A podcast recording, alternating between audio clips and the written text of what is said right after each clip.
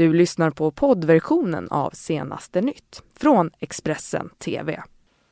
Ja, men god morgon och hjärtligt välkomna hit till Senaste nytt denna onsdag den 23 januari. Jag heter Eva Johansson.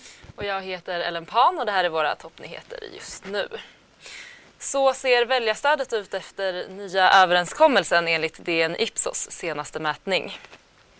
Och lockout och hamnstrejk väntas bryta ut idag i 15 svenska hamnar. Mm, och amerikanerna ger Donald Trump skulden för den historiska nedstängningen av statsapparaten. Ja, men vi börjar som så många gånger annars i politikens värld. För eh, trots den stora dramatiken i den svenska politiken här under hösten och under början av året så eh, ligger partiernas väljarstöd relativt stabilt. Det visar januarimätningen från DN och Ipsos. Mm.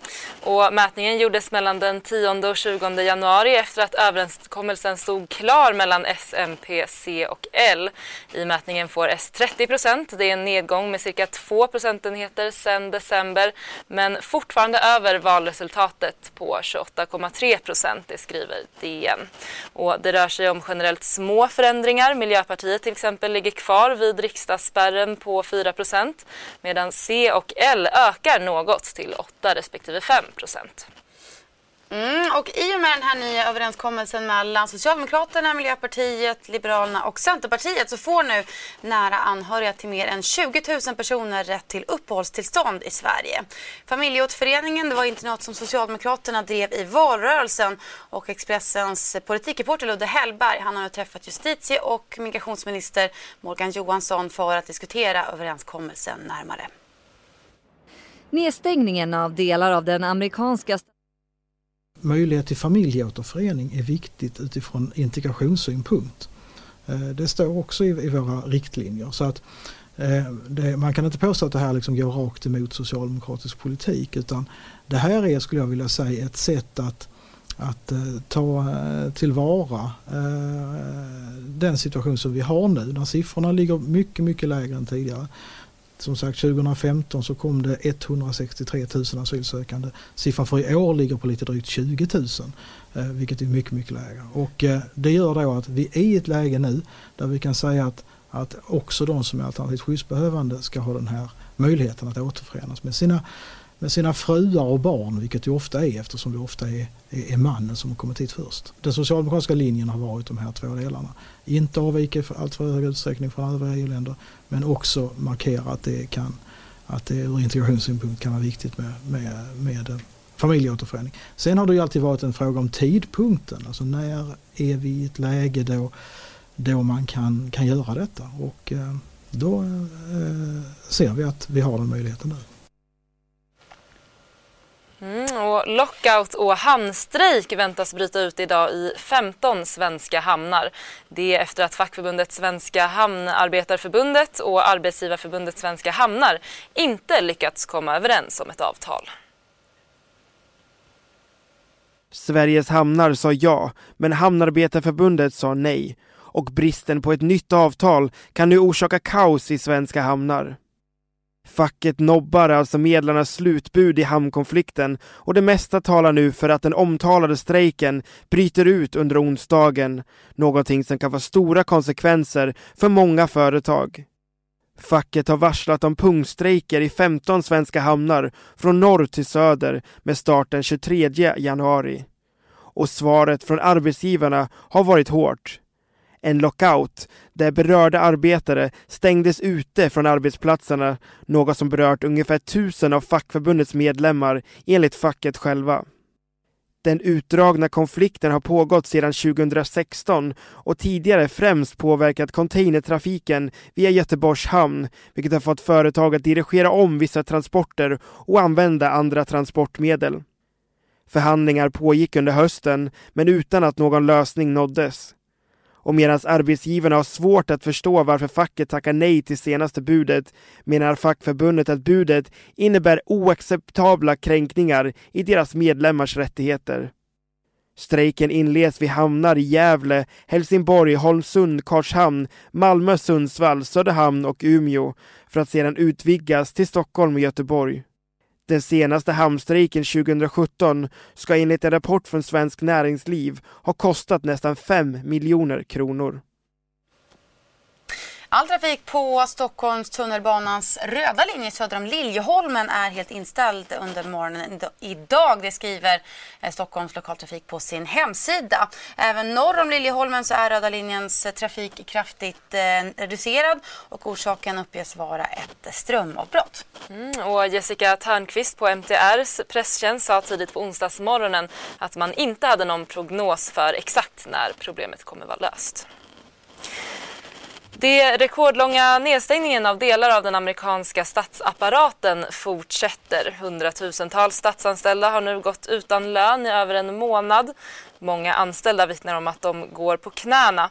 Samtidigt finns inga tecken på att parterna är nära att nå en överenskommelse. Mm, och nu så ger amerikanerna Donald Trump skulden för den här historiska nedstängningen. Sju av tio amerikaner tycker att det är en dålig strategi för att eh, nå en överenskommelse om muren mot Mexiko, det skriver CNN.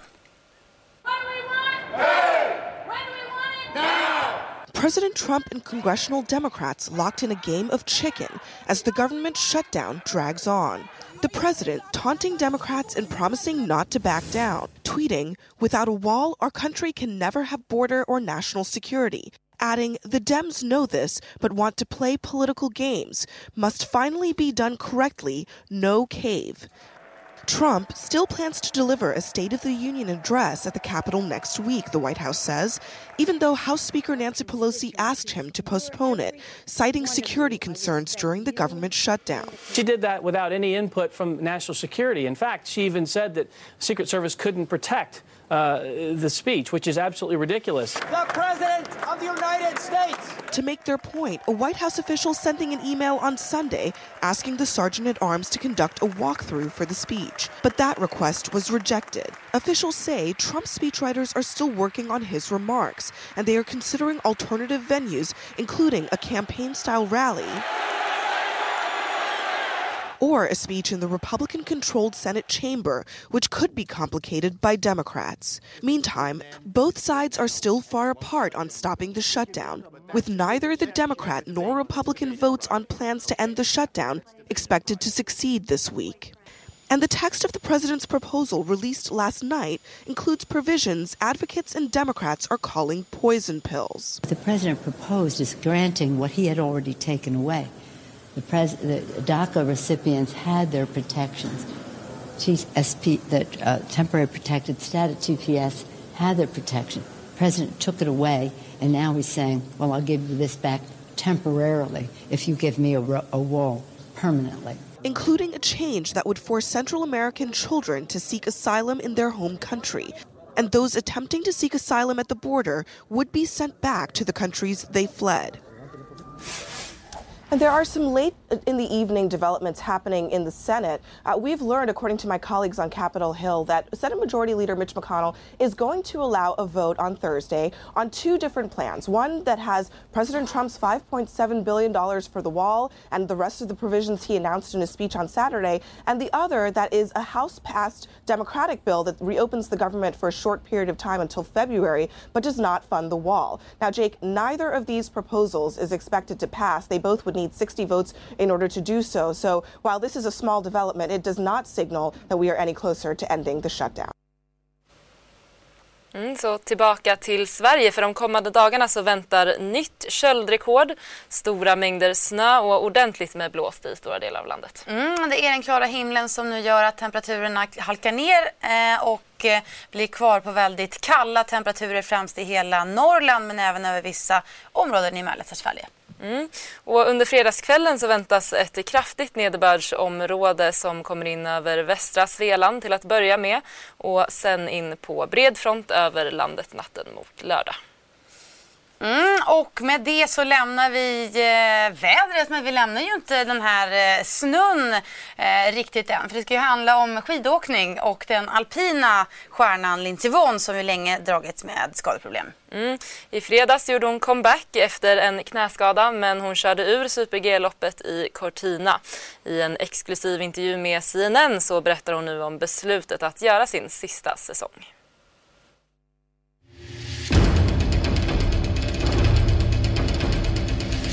One last season to become the world's most successful ski racer. Just five more wins to break the all time World Cup record. But this season, before Lindsey Vonn had even got started, disaster struck once again.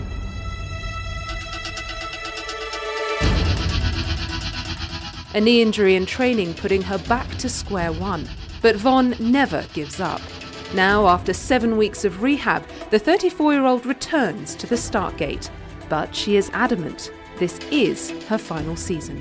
I just can't physically do it anymore.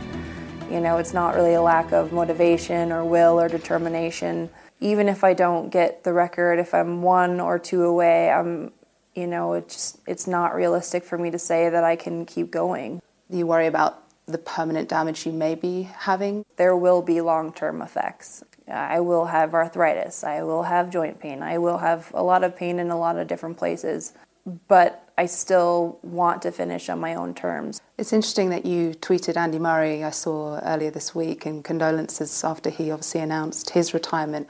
I could see that that would really resonate with you given how many injuries you've been through. Yeah, of course. I mean, you know, as an athlete, you put everything you have into your sport and you know sometimes it takes a little bit more than it gives. You know obviously andy has had a lot of success in his career and it's not the way that he wants to end it. You know i told him to call my physical therapist because she does miracles so you know if anyone can bring him back she can. In some ways vonn's retirement will come as a relief a chance for her to catch up on missed years spent with family. But that doesn't mean she's planning on slowing down. Yeah well, i want to start my own business. Um, you know i've got a couple of investments and and things lined up. You know, beyond that, I don't know. Um, maybe acting. I'm not sure. What kind of acting? I don't know. I'm friends with Dwayne Johnson, and um, he thinks that I could be good at like action films. The Fast and the Furious, Lindsay Vonn. I mean, I do like to drive fast. That is a guarantee. We know fact. you like going fast. Yes. As one of America's greatest skiers prepares to leave the sport she loves, a young rival is already filling her void. This season, Michaela Schifrin's success has been nothing short of extraordinary. With eight wins in her last 11 races, the 23 year old is now closing in on her third straight overall title. She's had an incredible season, and you know, she's so young, she has so much potential to do even more than what she's doing now. So I think it's really important for the sport to have someone like her, and I think it's great for the US as well. I'm sure she's going to break many, many records down the road. How long until she breaks the all time record, do you think? Probably not long. um, probably not long at all. So I look forward to watching her when I'm at home on the couch.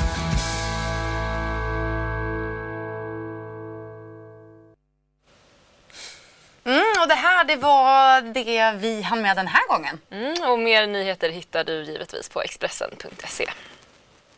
Du har lyssnat på poddversionen av Senaste nytt från Expressen TV. Ansvarig utgivare är Thomas Mattsson. Ett poddtips från Podplay. I fallen jag aldrig glömmer djupdyker Hasse Aro i arbetet bakom några av Sveriges mest uppseendeväckande brottsutredningar går vi in med hemlig telefonavlyssning och, och då upplever vi att vi får en total förändring av hans beteende. Vad är det som händer nu? Vem är det som läcker? Och så säger han att jag är kriminell, jag har varit kriminell i hela mitt liv men att mörda ett barn, där går min gräns. Nya säsongen av Fallen jag aldrig glömmer på Podplay.